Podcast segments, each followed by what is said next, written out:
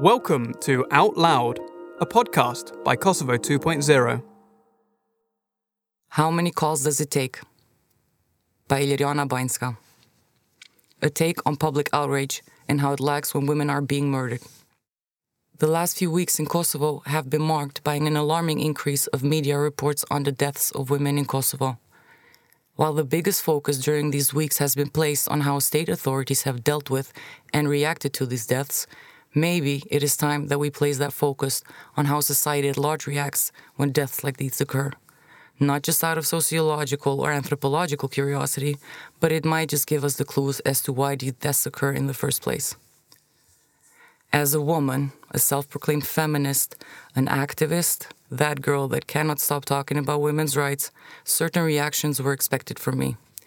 I should be available at all times to be able to give statements about women's empowerment, about their political participation, about their position in society as economic actors, about how value systems influence power relations between men and women, and about all sorts of state policies and their effects on the lives of women and girls throughout Kosovo. All right, and sometimes in the Western Balkan, you know, that homogeneous part of the world where women and girls have the same needs. It is expected of me to have a well informed opinion that is not too extreme nor too soft and politically correct. It has created a burden resting on my shoulder whenever I do express an opinion on a topic that everybody so freely expresses an opinion about. I want to show that I'm a person with a history, with an intention, which is flavored by past experiences and expectations for the future. In a world where the number of pseudo analysts and experts is growing like fungus in a moist room, it is important to realize this now more so than ever. Moreover, I want to personalize stories that throughout history have been depersonalized and forgotten. So bear with me, all of me. There are many issues at play here. Do all life matter the same? How many calls does it take for certain people to be taken seriously? And is this number the same for everybody? What circumstances need to be in place for a society to be shocked, enraged, and saddened by the death of a person which is inflicted by another person? How do state institutions deal with these types of phenomena, and can we separate these institutions from society at large when it comes to this? Let me illustrate with an example. Where are you from? Oh, we're from Pristina. We came to Gjakova today to protest the murder of Valbona and her daughter. Ah, yeah. It's really sad what happened to her little kid. She herself, though, was a little bit loose. This was a conversation between a fellow protester and a woman working at the bakery in Gjakova, where we stopped to have a snack before going back to Pristina after protesting following the murder of Valbona Nrecaj and her nine year old daughter. Her husband and her daughter's father, Pieter Nrecaj, has been detained on suspicion of their murders. On August 10, women's rights organizations from Gjakova and individual activists, with the support of Kosovo Women's Network, organized a protest against the murders but also against the incompetence of police in not protecting Valbona and her daughter. On August the 7th, a few hours before her husband took the gun to end her life and that of her daughters, Valbona had received a threatening message from her husband. Valbona, not new to her husband's violent behavior, reported the matter to the police, who failed to take appropriate measures in order to protect their lives. Gjakova police took three hours to try to find and contact the perpetrator, going to his house, calling him on his phone, and searching other locations. Why Valbona and her daughter's location at the time of the crime was not subjected to police supervision remains a question. This was not the first time state authorities have come into contact with the perpetrator the state prosecution has declared that there is an ongoing criminal procedure against him. Moreover, he was in custody earlier this year, and there is an indictment against him for domestic violence that has been filed in court. Media later reported that accounts of sexual abuse that he is alleged to have inflicted on Valbona were also known to the authorities. However, for some reason in this part of her statement that she gave during the court session in which her husband was tried for domestic violence charges was not included in the indictment by the prosecution in Gjakova. In her statement, Valbona had told prosecutor Mone Sylla that he has always wanted to have sexual intercourse with me, regardless of whether I'm ill, whether I'm willing, whether I wanted to or not, I was forced to submit to his requests, and when I refused, he violently proceeded to have sexual intercourse with me. Due to questions raised and pressure applied by the media platform Kallxo, the Office of the Chief State Prosecutor will notify the Prosecutor Performance Assessment Unit about this case and have requested Prosecutor Mona Sula to investigate the possibility of amending the indictment against defendant Pieter Nrecaj. From all this, do I need to go on or not? Apparently, for the police of Kosovo and this woman in the bakery, I do. From all this, do I need to go on or not? Apparently, for the police in Kosovo and this woman in the bakery, I do. Fortunately for the organizers and the large number of people that showed up to the protest in Gjakova and the one in Pristina the following day, I don't. Nor for the activists that organized another protest in Ferizaj on August the 17th. For some reason, I don't have to go on for the media either. Ever since the murder took place, different national media have covered the story, or as in the case mentioned above, have been active players in seeing that the case is handled in the right way. Unfortunately, Valbona Nrecaj was not the first case of its kind in Kosovo, nor in the last few years. Many have gone before her, sometimes silently, at times met with public critique, but never really with outrage. And it is exactly this lack of public outrage that is puzzling. Seven years later, no justice served. Not too long ago, new light was shed on a case that happened seven years ago. In 2011, Antigone Morina from Rahovec died from heavy bleeding three days after she married Hilmi Zena.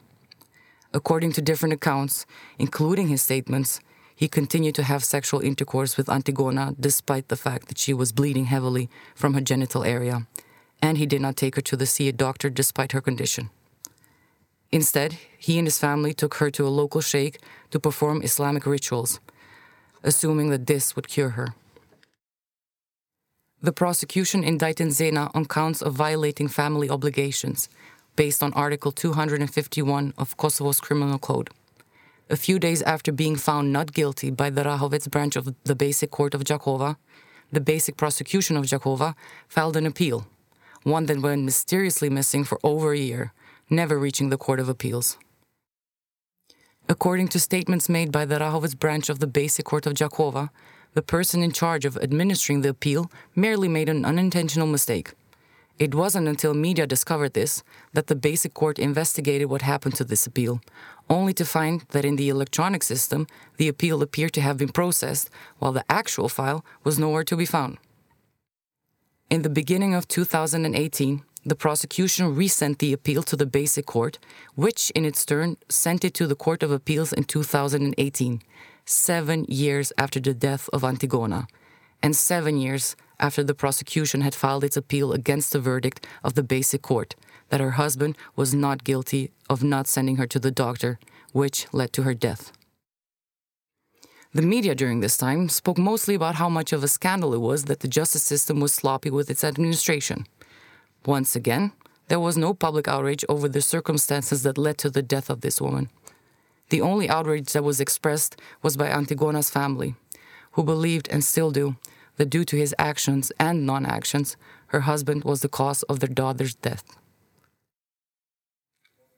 Kosovo Women's Network is expected to be outraged, to make statements about cases like these, and to organize protests when a woman, yet again, gets severely beaten up by her husband, or, as in the case mentioned here, ends up dead. And so they did. Kosovo Women's Network organized a protest in front of the basic court of Gjakova in Rahovec on the day that the case was brought back to court after seven years.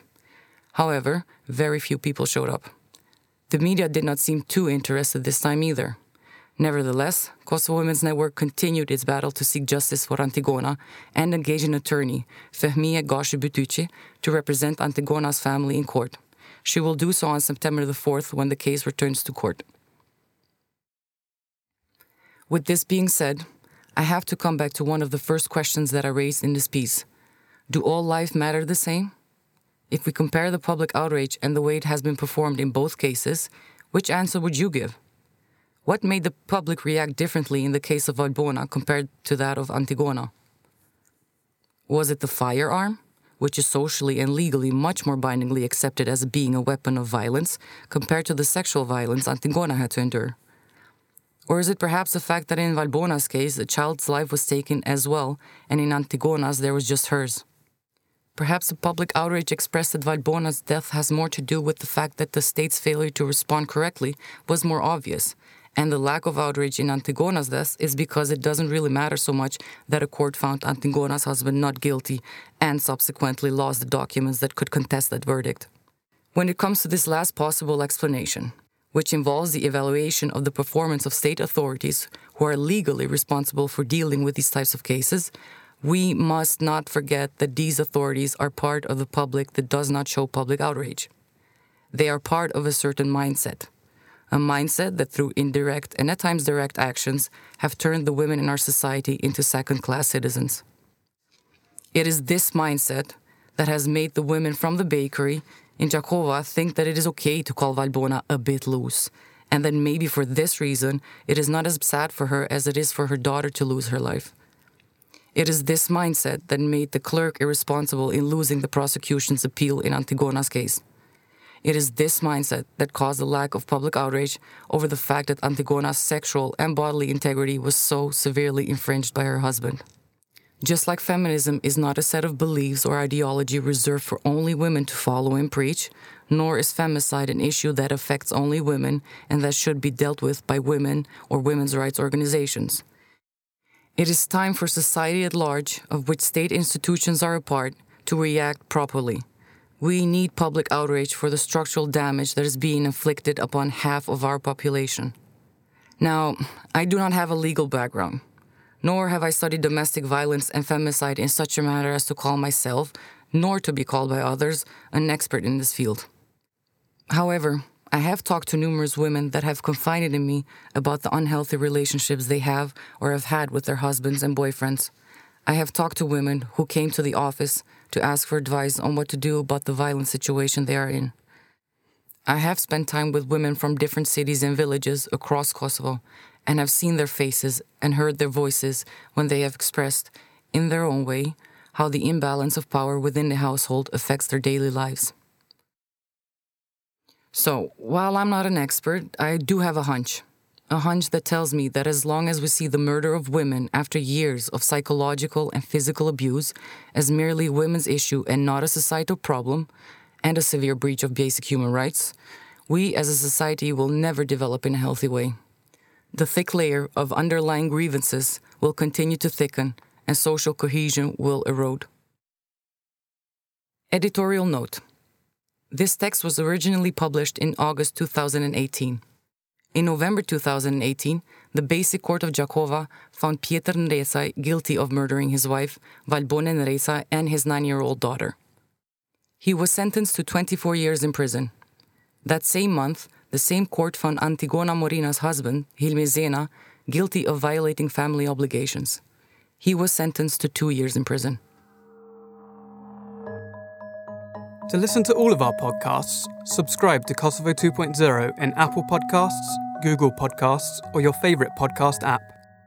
Find more stories at www.kosovo2.0.com.